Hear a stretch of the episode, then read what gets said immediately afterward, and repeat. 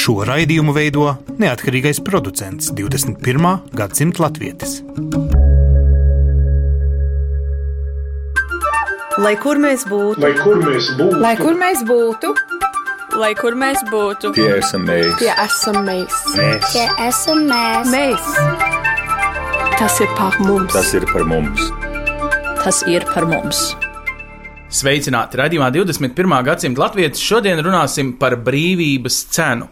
Nav daudzi tādi latvieši, kuri brīvības cenu savā ziņā zina kā tādu būtībā risku ar savu dzīvību. Māris, kuru es satieku Austrālijā, savu dzīvi lielākoties ir nodzīvojis Austrālijā, bet savā jaunībā pieņēma diezgan kardinālu lēmumu - aizbēgt no Padomju Savienības. Sveiki, Māri! Vai jūs tagad, kad Padomju Savienība ir sabrukusi, Latvija ir piedzīvojusi to, ko jūs dzīves laikā viņi visi ir redzējusi, un jūs esat būtībā pēc kara bērns, vai ne?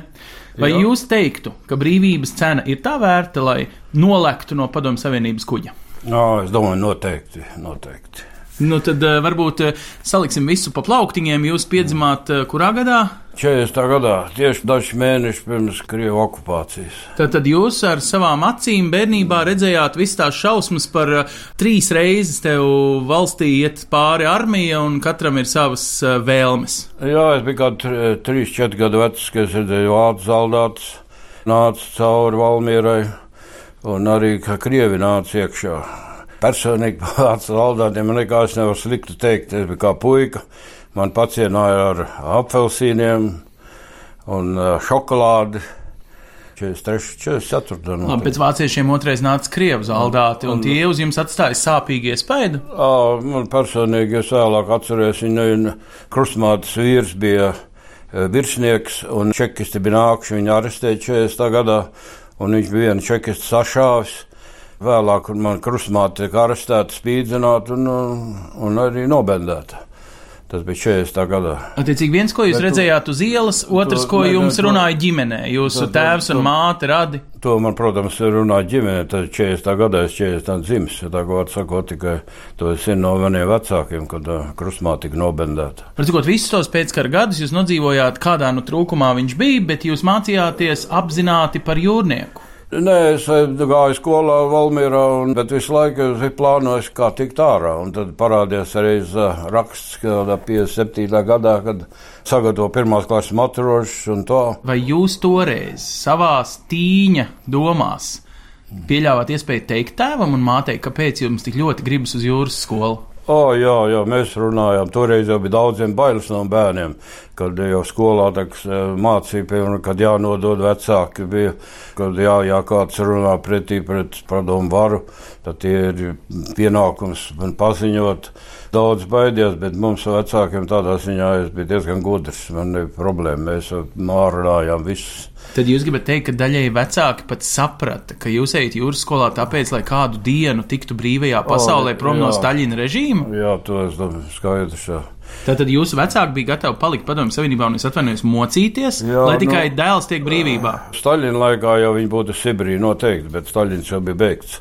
59. gadā tas jau 53. kaut kas nomirs Staļins. Un es nepabeidzu 10. klasi un 57. gadā un nāca 58. es iestājos Rīgas jūras skolas kursos bezdelīgi ielā. Kas jūs bijāt? Jūs bijāt uzreiz jau kapteinis, ne jau. Nē, tikai pirmās klases matros pēc viena gada, tikai viens gada, gada kurs. Un arī jūs tad toreiz laida cauri filtriem, vai jūs vispār O, drīkstat strādāt uz kuģi, kas pārbrauc padomju savienības robežu? Tie vajadzēja divus komunistu galvojumus, kas galvo. Un uh, vajadzēja rakstīt krievu valodā tai vēstulē, un jābūt, ka rekomendējusi Zagriņš no plāvaņa. Ka jābūt tādam teikumam, ja bez tās teikuma tā vēstule nav derīga. Proti, ka jūs esat padomju uzticams Vārdu, matros. vārdu sakot, kad uh, viņi deva man uh, nu, divu komunistu, un vārdu sakot, galvoja, ka es esmu samērā uzticams, ja tiem jāzina, ar ko viņi ielaižās. Tad, tad jūs pērinājāt savā galvā šo domu vairāk kā desmit gadus. Jā, es visu modu atceros, toreiz bija rādīja kaut kādu kantiki, kas braukšie ar plostas attaisīšu pāri. Un pirmais, ko es darīju, es nopirku kompasu. Domāju, nekā vai- vairāk tālāk es nevaru izdomāt, bet kompas vismaz noteikti jābūt tas pirmais solis, ja kaut ko tādu iesākt. Bet tas jau bija skaidrs neiespējami, jo jūras tagad bija Baltijas jūra tā nosargāta, kad Tur neviens ne- netika cauri. Labi, bet uh, notika brīnums, jūs sākāt strādāt uz šī kuģa, kurš vadīja ko un uz kurieni. Ne, mums ir diviem kuģiem. Pirmais bija preču kuģis, tāds Balašovs, kas gāja, mēs gājām uz Angliju, Franciju, Īriju, Vāciju. Bet tajā laikā es jau neteicu, braukt, man dzīve bija labi, es pelnīju ļoti labi. Es domāju, laiks um, pietiek, gan jau kā aizbēgs. Un tad tas Balašovs aizgāja kapitāla remontā, un tam es pārcēlu uz tādu uh, mazu eļļas kuģīšu ogri kas brauc no Vēncpils uz uh, Dāniju, Zviedriju, Dāniju, Zviedriju. Un tad uh, arī vairākas reizes jums bija vilinājums palikt, bet jūs tomēr atbraucāt līdz Padomu Savienībai atpakaļ. Trīs gadus nobraucu. Vai jūs savā starpā starp jūrniekiem pīpauzēs, ka teikt ar acu skatieniem saskatījāties par šo Ar jautājumu? latviešiem bišķi un vienreiz es tā runāju kaut ko līdzīgu, bet ar krieviem nekad ne tā. Ne mēs, tie- latvieši bija ļoti maz uz tā kuģa. Objektīvi, tajā 62. Ja, gadā, kad jā. jūs izdarījāt savu, varētu teikt, lecienu pāri bortam. Mm. Pie varas bija Hruščovs, tas bija jā. atkusnis. Bija pat mm. romantiskas gaidas par to, ka nacionāli komunisti, kas Latvijā mm. bija pie varas, varēs to lietu nu, kaut kā sakārtot. Cilvēki mm. atgriezās no Sibīrijas. Nē, negluži. Toreiz bija tā kubas krīze sākās. Tāda mūs parasti neņēma armijā. Flotē, bet toreiz tā kubas krīze bija, un tādēļ eh, viņi stipri gadi esot bijis diezgan tuvu karam nu, nonācis. Krievi nolikuši bija Kubā raķetes, un amerikāņi diezgan, nu, tā, tā bija, kad varēja izcelties toreiz tiešām karš. Var cikot, tādēļ- jūs gribējāt saukt armijā. Jā, tāda, jā.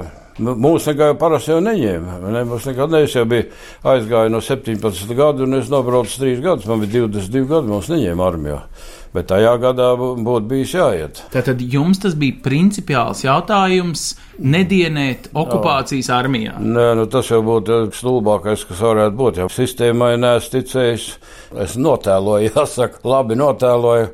Komjaunetnē arī es iestājos tikai jūras kursos. Un tā bija liela lieta. Mūs tā sauc visiem. Tagad man tas bija uztraukums, ka viņš tā kā izgājis no galvas, tā kā filma pārtrūks. Mums visiem bija jāiet uz komunistu partiju, galveno augstāko padomi, visiem jāienāk iekšā, kur visi tie Latvijas lielie komunisti sēdēja. Vārds jānoskaita, un kas tur vēl uz vienu minūti, un viss atkal ārā, iekšā, ārā, iekšā, un tad noskaita katrs, kad mums ir atvērta vīza, visiem būs, var braukt uz tā, tā kā uzticami cilvēki mēs esam. Es, starp citu, redzēju, ka arī savu galvojumu, savu raksturojumu. Kad man bija jāiet uz eh, kara komisārātu tajā brīdī, kad tur sataisīja to konvertu un izlasīja, jā, un pats gan nosmējās, ka politiski izglītots bija rakstīts. Es biju lasījis luvu literatūrā kaut kā tādu grāmatu, ja tu koncentrējies uz kādu, tad var arī viņam pārraidīt kaut kā galvas sāpes. Un es atceros, ka runāju par Staļinu, es vienmēr turēju kaut tas maita, tad būtu tagad galvas sāpes. Nu, labi, viņš arī dabūja galvu. Jā. Bet jūs dabūjāt tātad šo iegānstu lekt novembrī Baltijas jūrā, kad principā ledus gabali jau sāk ziemeļos Jā. peldēt. Es, es nelicu, jā. Mēs gājām, izlādējāmies, eh, bijām pilsētā jau Karštatē, Zviedrijā, un nācām apakaļ pa kanālu uz Göteborgu. Un tad viņš man saskājās, kapteini, viņš pasaka, nu, ka jāiet ir, un es skatos, kur tas tagad lekt ārā kanālā, ledus ir, ne cumš nakts. Tas bija naktī kaut kas, es tikko stūris, nu, rati nomainījies. Un tā, kamēr es ar prātu vai kā, un tagad mums izgāja cauri slūžām.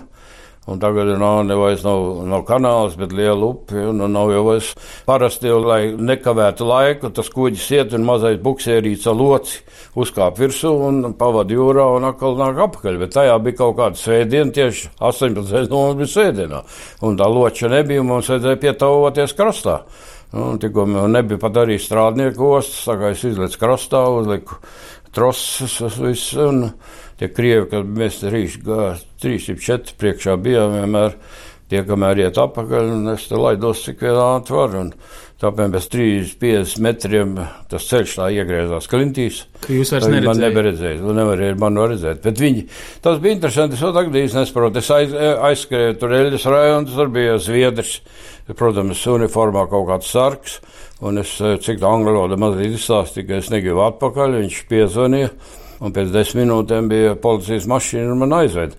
Un viņi esot aizgājuši jūrā, protams, tālāk, bet es brīnos, kā viņi man uzreiz neredzēja, kad es nesu. To es nevaru saprast. Tad no Zviedra tulka sapratu, ka viņi bija jūrā kā četras stundas. Tas svētdien nākšu apakaļ, bet ne jau ka manas dēļ, bet uh, kaut kādas problēmas ar dīzeļu, tur motoru. Jau. Un tad bija pirmdien no Krievijas sūtniecības divi Krievi viens Igaunis, viņi bija sapratuši, ka Igaunis tas atnāca no Stokholmas sūtniecības, kapteinis un uh, tas politoficieris. Visi man nāk, tas policija, to iecirkni, ka es esmu, ne mani runāt. Negribēju runāt, es domāju, galvenais bailes par vecākiem, bet ja zviedri kaut kā gribēja, negluži, bet viņi gribēja, lai es runāju, no right. Tajā policijas iecirknī, bija policija, protams, stāvēja, kā trīs visi, un tie krievi tie nāca. Un es uzdevu kapteinis, protams, viņam bija bailes doties, ka viņš pateica, jā, jāiet flotē. Tas tā draudzīgi sēž, nu, nu, ko tu, kur tu biji, mums jābrauc atpakaļ, tu mēs brauksim. Es saku, nē, nē, es nebraukšu, nē, es iet otrā istabā atros. Un tā tie krievi tur palika stāvot neziņā, un kā desmit minūtes, un viņi aizgāja. Un es biju kādas septiņas dienas izmeklēšanā, es tajā cietumā, un Lat es nezināju nemaz, ka tik daudz latviešu Göteborgā, tur bija 400 latvieši. Tie man apciemoja, un katru kādu Jūs bijāt slavenība, jūs bijāt jā, tāds retums, ja? Kādu minūti es biju slavens, Zviedravijas rakstīju. Bet sep... jūs zinājāt to vēsturi, ka Zviedrija bija savulaik izdevusi padomu savienībai zinu, Latvijas leģionārus? Jums jā. nebija bailes, ka jūs varētu tā izdot vien... mīļā miera labadioru padomu savienību, jā, neviens to... negribēja kasīties? Tas man bailes bija bišķi, bet arī ar interesanti bija vēl.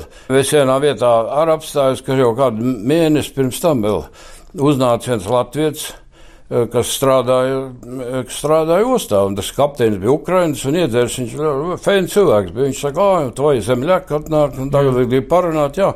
Viņš iet mūsu kaitē, piedāvā šņabi, iedzer, un viņš man sēž uz Latvijas blakus. Un, bet man jau bija risks, tā kā nezināju, kas viņš ir. Bet es saku, kāds ir, ja kāds aizbēg, domāju, viņi dots atpakaļ. Viņš saka, nē, nē. Un tā jau man tā kā bija droši, bet es zināju to, ka Zviedri izdevuši to man brālēns ārstēts. Es, es to no vecākiem to es nezināju nemaz. Var cikot, Zviedrijā jūs ilgi nevarējāt palikt, tāpēc, nē, ka ne, viņi jums nebija tā laimes zeme, vai tieši ne, ne. tāpēc šī sajūtas dēļ, ka Zviedri var visādi rīkoties? Ja, nu, man gribējās tālāk no Krieviem, pirmkārt, un otrkārt, man patikās ceļot. Tādēļ es sāku kārtot uz Kanādu. Kanāda man noraidīja. Man liekas, tā iebes, ka viņi nezināja, kas tāds es varbūt šaubīgi, kas tas ir. Jā. Nu, e, tur tā lieta, ka dažus mm. šādus saucamos pārbēdzējus, tā saucamā trimta sabiedrība dažreiz tur jā, aizdomās, ir, ka jā, viņi ir čekas iefiltrēti jā. aģenti. To es varu saprast, skaidrs, ka tā bija. Nu, un, jā, un Kanāda noraidīja, un Austrālija momentā pēc trīs mēnešiem braukt pāri. Tātad no Zviedrijas jūs tikāt līdz Vācijai? Ne, ne, Zviedri, es nodzīvoju apmēram nepilnu gadu Zviedrijā. Un tad es tiku uz Vācijā, uz uh, Latvijas gimnāziju, mācīties vācu valodu. Minstrē. Minstrē, jā. Un es tur gāju trīs, es īsti nepabeidzu, un tā, kā saka, ar bišķi jūrnieku dabu nepabeidzu, laika brauc ar vienu kādu pāris mēnešu vācu kuģa. Pēc trīs gadiem es biju latviešu šitajā rotā. Tā darba rota.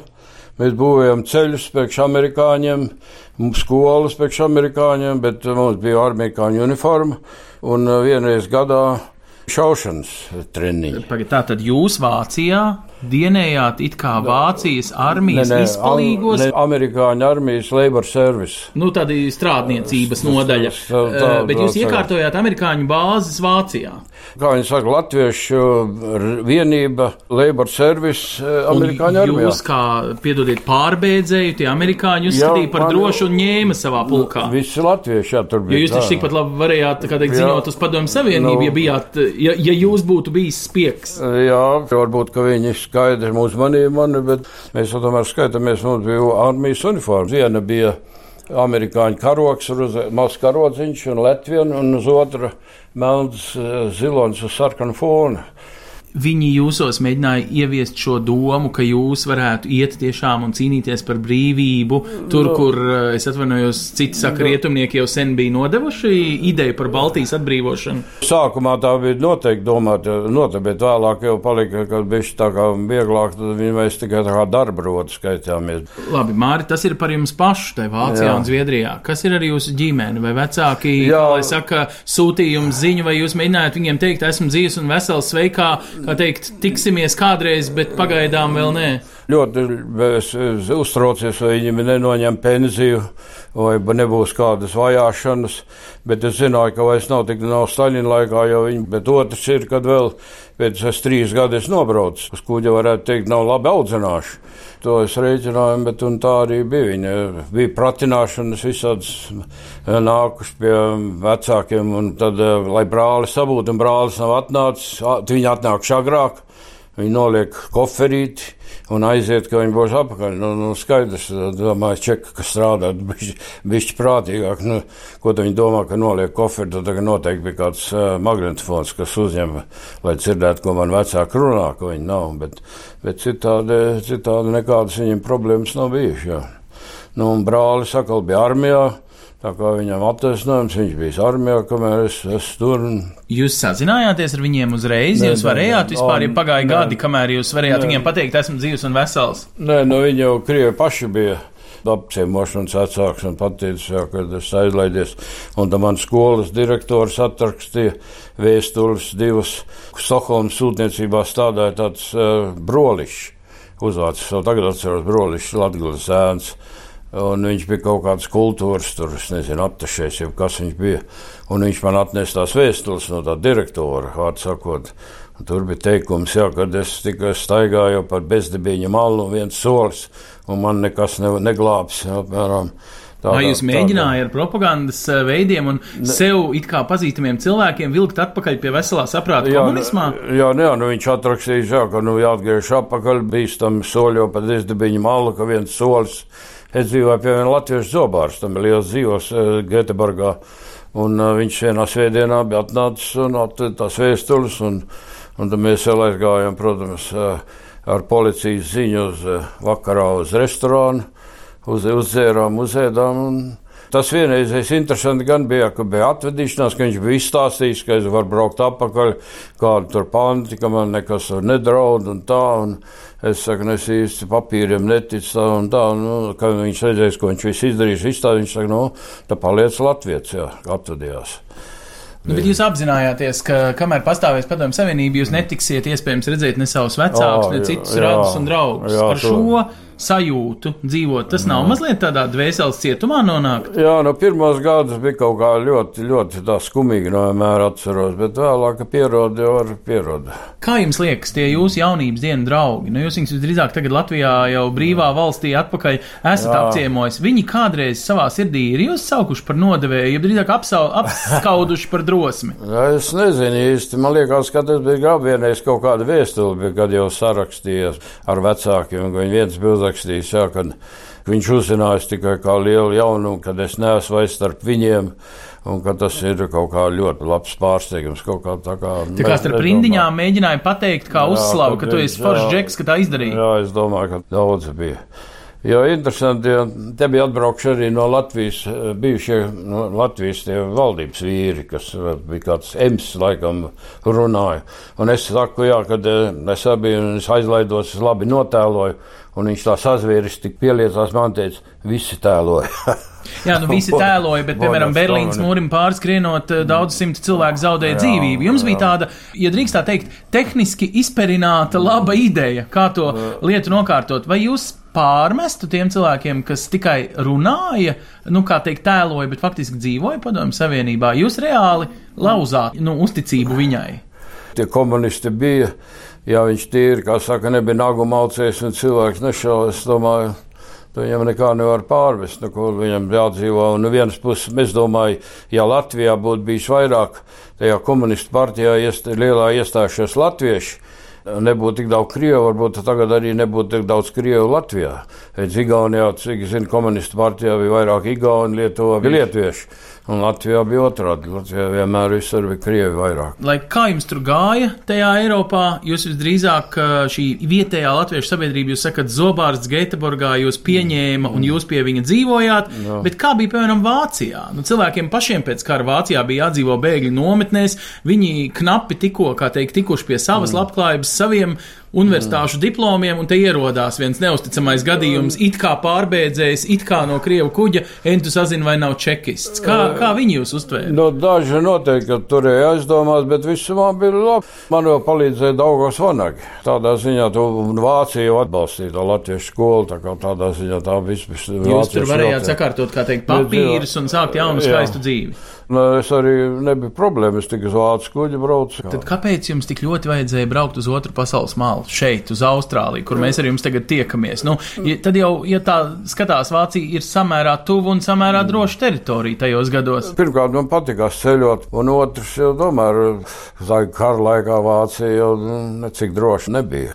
Tad arī Austrālijā jūs bijāt patiesībā jūrnieks? Nē, nē, Austrālijā nebija. Pirmā darbs bija uz dzelzceļa, un otrs es 32 gadu nostādīju saldējumu fabrikā. Vai cik garšīgs darbs? Tā kā man bija jāuzmana saldējuma tunelis, kur bija mīnus 40 grādi. Mm, diezgan interesanta temperatūras atšķirība. Mīnus 40 grādi pie jums darbā, Jā. un plus 40 te jau vai ārā uz Jā, ielas. tieši kādreiz, ka nāk, vienu laiku strādāja pēcpusdienas maiņā, tad no rīta mm, pludmalē. Sauļojies un karsts, un tad nāk iekšā 40 grādi. Varētu būt ļoti veselību uzlabojoši pārmaiņu. Jā, man liekas, ka bija tādā ziņā ļoti ir laba masāža vispār. Mārija, jūs noteikti kādreiz esat eh, domājis, un kas notiktu ar jums, ja jūs nebūtu nokāpis no kuģa? Vai to brīvības cenu jūs savā galvā pārcelājat, vai ir vienmēr vērts izdarīt tādus kardinālus dzīves mirkļus jaunībā? Nē, es domāju, es esmu es ļoti apmierināts, es, kad es aizbēgu. Varbūt vajadzētu atgriezties Latvijā brīvi, bet tagad ir pieredze tomēr. Un... Šitā jau gan ir pieredze pie šitā laika un visu tā dzīve. Tagad jūs faktiski baudat vecumdienu šeit, Jā, Austrālijā. tagad, Jā, jā. Un jums ir svarīgi tā sabiedrība mm. latvieši, bet eh, šeit mājā es redzu, jūs pavadat tādā, nu, savā, mm. var teikt, vientulībā daži teikt. No. Nā, gluži nav. Mums bija makšķernieku klubs, kurā bija simt cilvēku. Oho. Un mēs katru gadu braucām izbraukumus, katru gadu rīkoja vienu balli. Kur nāca pārsimt cilvēku ballē, vienmēr dienu makšķerē, pa vakaru makšķerē, tad atkal iedzēra un dziedāja. Tā kā bija ļoti fēni, bet visi tie bijušie leģionāri, kas bija tagad, visi ir aizgājuši. Jā. Nu jā, Daugos No Vānagū sabiedrībā tā laikam ir, No ka nu, ir tāds iesaukums, Nu, ja? Daudzos sonāk joprojām, bet mūsu makšķernieki, kas bija visi, es biju tas jaunākais un un vienīgais gandrīz tagad es palicis. un Bet sanāk tā, jums bija ļoti svarīgi, lai draugi jums ir letiņi. Jūs tomēr Jā, mēģinājāt jā, jā. gan Vācijā, gan Zviedrijā, gan šeit Austrālijā ar letiņiem to savu Jā, draudzību. kaut kā tomēr vairāk ar latviešiem saskanēja, vairāk ar latviešiem, protams. Ļoti Tagad ar latviešiem Latvijā jums saskan, cik reizes jūs esat bijis kopš brīvības Jā, laikiem divi- Latvijā, draugus saticis kādu. Divu reizi esmu bijis, pēdējais 2002. gadā. Jā. Nu, Jā, viss ir mainījušies. Nu, liela daļa jau arī ir aizgājuši pie Pētera. jau Arī, no, Jūs neredzat vairs to valsti, kā teikt, tādu, kādu jūs viņu atstājāt uh, toreiz 60. gados? jā, ir citādāk, kaut kā bišķi svešāk liekas. Visi tie mani draugi arī ir mainījušies. Es pats esmu mainījies noteikti. Ar, No acīm prom no sirds ārā, jeb ir kaut kāda, es nezinu, smeldze. Nu, kad jūs sakat draugi, nu, tad pamest draugu, bet satikties pēc 50 gadiem, viņš vēl aizvien ir draugs. Jā, ir joprojām, jā, un atceros, ka viss tas bērnības kopā, ko darīju skolā, es esmu no pirmās klases daudz atceros Valmērā, kur mēs gājām kopā. Un, tomēr pieredze pie šīs dzīves kaut kā ir pa daudz. Varbūt viens nav patriotisks sevišķi, bet kaut kā tomēr pa daudz. Brālis, pieredze. piemēram, jūs teicāt, jums ir brālis. Jā, jā, brālis vecāks, jā, viņš dzīvo pie ceļiem. Viņš jūs nesauc mājās. Nu, jā, un viņš jau te- teica, varētu braukt. Jūs grūti izšķirties, man liekas, pa daudz pieredzes pie šitās dzīves ir. Jā. Nu, bet kas labklājība jūs te Jā, klimats? Klimats ir jau labklājība, atkal šis plašums. Riesmīgi, Nu, šis ir kontinents, Jā, protams. To, ko Latvijā mēra desmitos, te simtos un tūkstošos. kad bija Sidnejā tā olimpiāda, draugs saka, nu, vai tu tur aizbrauc tur?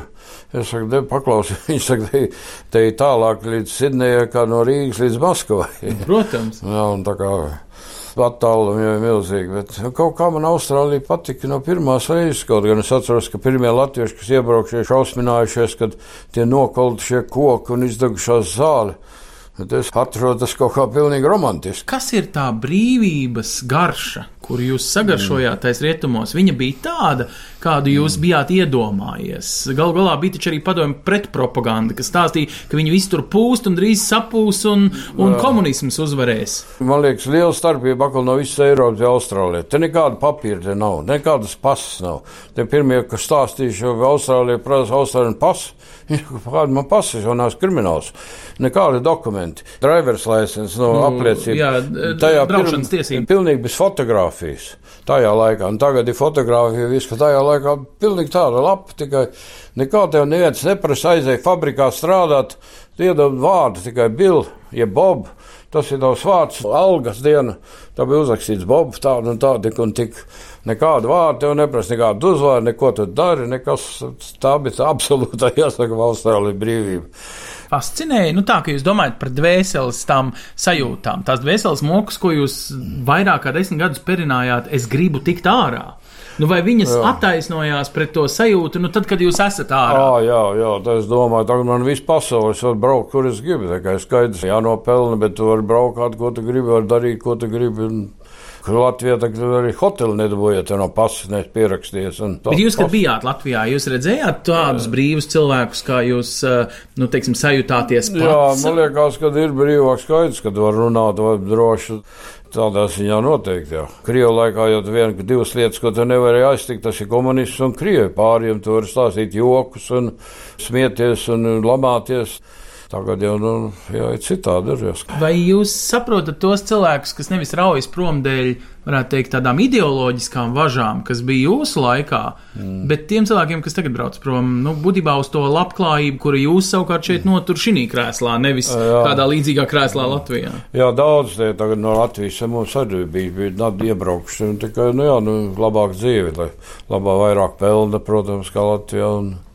Tādā ziņā. Jūs zināt, ka ir cilvēki, kas pārmet jums, jā, varbūt ne jā, tik ļoti, jūs beigāt jā. no komunisma, bet tiem, kas brauc jā. prom, tiem gan. Vai jūs arī kaut ko pārmestu latviešiem, kas nedzīvo jā, Latvijā? Pārvesties, es esmu pats faktiski jau tagad varētu atgriezties Latvijā, tagad, bet vienkārši varbūt labklājības dēļ, un tomēr vēl šādas tādas lietas ir, kā saka, klimata dēļ. Un, Sakot, tomēr šeit tik daudz gadus ir pierasts, tā liekas, tā kā tā gandrīz jau māja. Tagad, jā, jā. Vai jūs sekojat tai valstī? Vai jūs, kad jā. sarāvāt saites ar, nu, tik cik vēl ģimenes rādi draugi, vai jums ir svarīgi, kas notiek Latvijā? Ā, nē, nē, es lasu mums latviešu avīzes pasūta ar mums viet, vietējo, kas vienmēr raksta par Latviju, kas ir.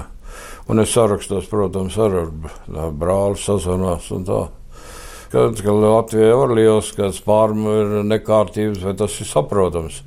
Tur saka, valdība tur, kā saka, zog un tā. Nu, ja šeit Austrālijā tas arī notiek, un te ir bagāta zeme, un tie visi, kas valdībā, tie visi ir bagāti, jau gandrīz, bet tomēr mēģina katrs sev ieraut par visādi naudu. Te notiek arī brīnuma lietas, ka domā, viņš ir miljonārs, bet viņš vēl ņem eh, nodokļu maksātāju naudu brauc uh, apkārt pa pasauli un dzer vīnus dārgus un visu ko. Un tā ir cilvēka daba. Liekas, Mārī, es domāju, ka cilvēki var pārprast, ka brīvība var tikt pielīdzināt vārdam labklājība. Tas taču nebija tas, kāpēc jūs beigāt. Jums bija kaut kas cits, vai jūs to dabūjāt? Jā, es domāju, man patika. Es domāju, gribēju ceļot, gribēju redzēt daudzas zemes, un Krievijā tas nevarēja. Es atvainojos, tās pašas te jau vai 9-10 laika joslas bija arī Padomju Savienībā. Tāpat jā. kā atšķirības starp Austrāliju un Latviju. Tagad. Jā, tur varētu gan jau Sibīrī braukt. Bet es nezinu, man gribējās tomēr vairāk uz rietumiem, jo kaut kā man Krievi nesevišķi patika. Jūs esat redzējis es, pasauli, tā ir tā brīvības mm. sajūta. O, jā, tas gan jau, ka tur braukāt, bet man liekas, Austrālija tādā ultimātā brīvība bija. Mārī, ir cilvēki, kas saka, ka komunismu jau sagrāva tie, kas viņā palika. Viņi sagrāva no iekšas, ka jūs aizbēgot, kā noscīti gļēvi rīkojaties. Tāpēc, ka jūs jau faktiski nesagrāvāt, ja jūs piedalījāties viņa graušanā no šīs mm, puses, jūs, nezinu, Berlīnas mūris kretinājāt. Nu jā, nu man es nebiju tādā stāvoklī, lai es iespaidot kaut ko varētu. Vienīgais, ko, ko es darīju pret komunismiem, tas ir Attijā rakstīja par puika, būdams nāvi komunistiem, Valmierā uz tādu, jā, es nezinu, kā saka, nolūst no stundām, uzgājām augšā tāds Valterkalns tornis bija, un speciāli jau sagatavos mazu zīmolīti ar ķīmisko, ka neviena nav uzrakstīja nāvi komunistiem, komunisti ārā, no zīmola aiziet prom un pats pat ātri veikli par trepiem lejām projām. Labi, Tā bija man vienīgā. Vēl puikas gados iekšā komunismu Jā, teritorijā. Darīju Rīgā, jā. Bet vai jūs to varējāt uh, kaut kā realizēt, šo savu dusmu pret komunismu, ko jūs bijāt perinājis? Jūs varējāt pēc tam brīvajā pasaulē, es nezinu, palīdzēt uh, Nu, demonstrācijās pie Baltānām Jā, vai te pie nu, Austrālijas mēs kādām gājām, o, valdībām? jā, mums bija demonstrācijas toreiz, kad tāds Vitlams bija, kas viņš bija, kad Krievija atdeva, ka tā kā Latvija viņš mēs liela demonstrācija bija, arī, protams, piedalījos.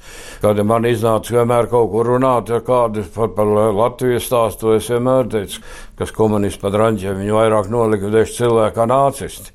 Varbūt vienīgi nācisti nolikvidēja īsākā laikā, bet, bet visumā komunisti nolikvidē daudz, daudz vairāk. To es vienmēr visiem pieminu. Mārija, tas mirklis, kad jūs izšķīrāties tomēr bēgt, varēja būt ļoti bēdīgs iznākums. O, vai jā, jūs jā. domājat, ka jūs jaunībā varējāt zaudēt dzīvību dēļ šī? Vai brīvība, kuru jūs tagad savā mūžā pierādat, ir tik dārga, kā šis viens iespējams dzīvības zaudēšanas solis? Jā, to, to es zināju, ja sajies greizi. Es gluži nezināju, vai es dzīvību zaudēšu, bet es domāju, Sibrija jau noteikti.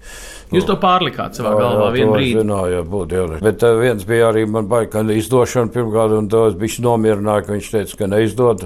Tad tas bija, un otrs jau pie bēgšanas. Bet, kā tie mani nepamanīja. Kuģi virsū mēs jau bijām uzticami. Mēs staigājām pa pilsētu pa 3-4 pa dienu tikai gan. Nu, 3-4 pilsētā gribu to jau tā aiziet stūri un prom. Tādā ziņā nebija problēma. Bet, uh, Kā saka, es jau nevienmēr atliku to, atliku to bēgšanu, lai nevaru saņemt. Es domāju, gan jau laiks ir. Man paša nolē- vainas dēļ iznāca tā sarežģītā lieta, ka tieši no kuģa bija jāskrien projām.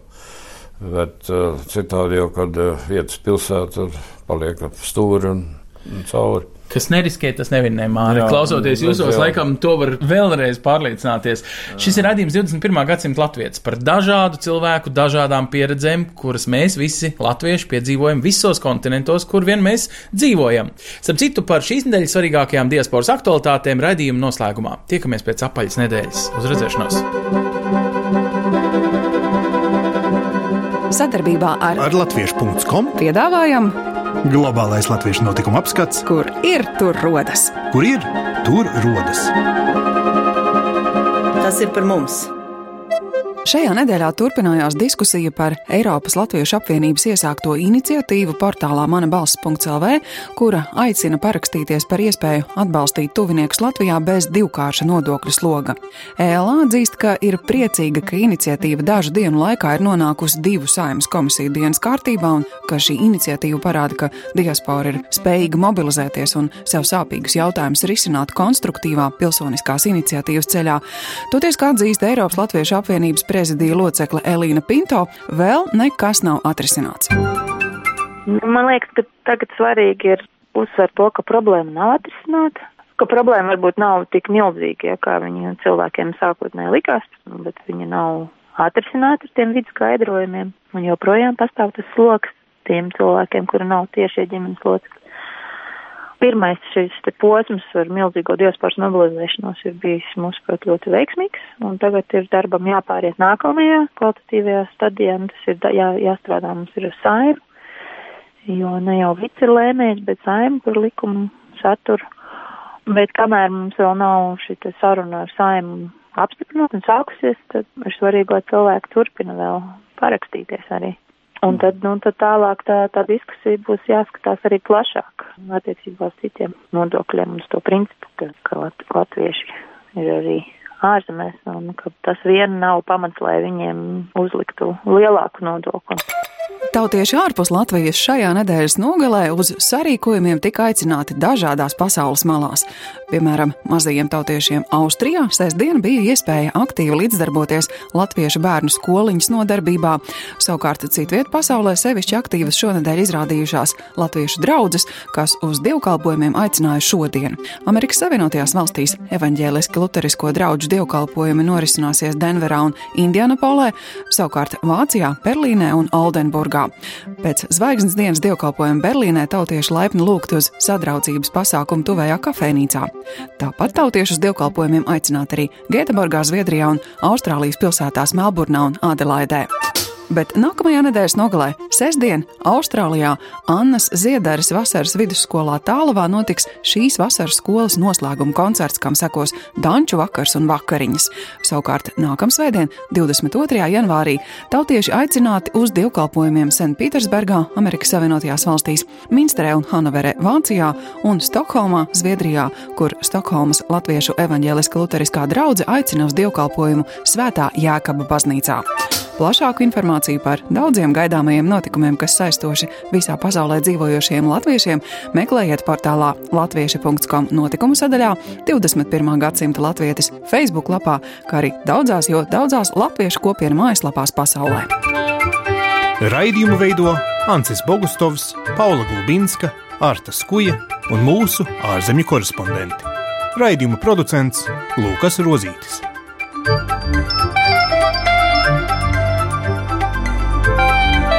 Lai kur mēs būtu, Lai kur mēs būtu, Tas ir par mums. Tiesa mēs. Tas ir par mums. tie esam mēs. Tie esam mēs. Tie esam mēs.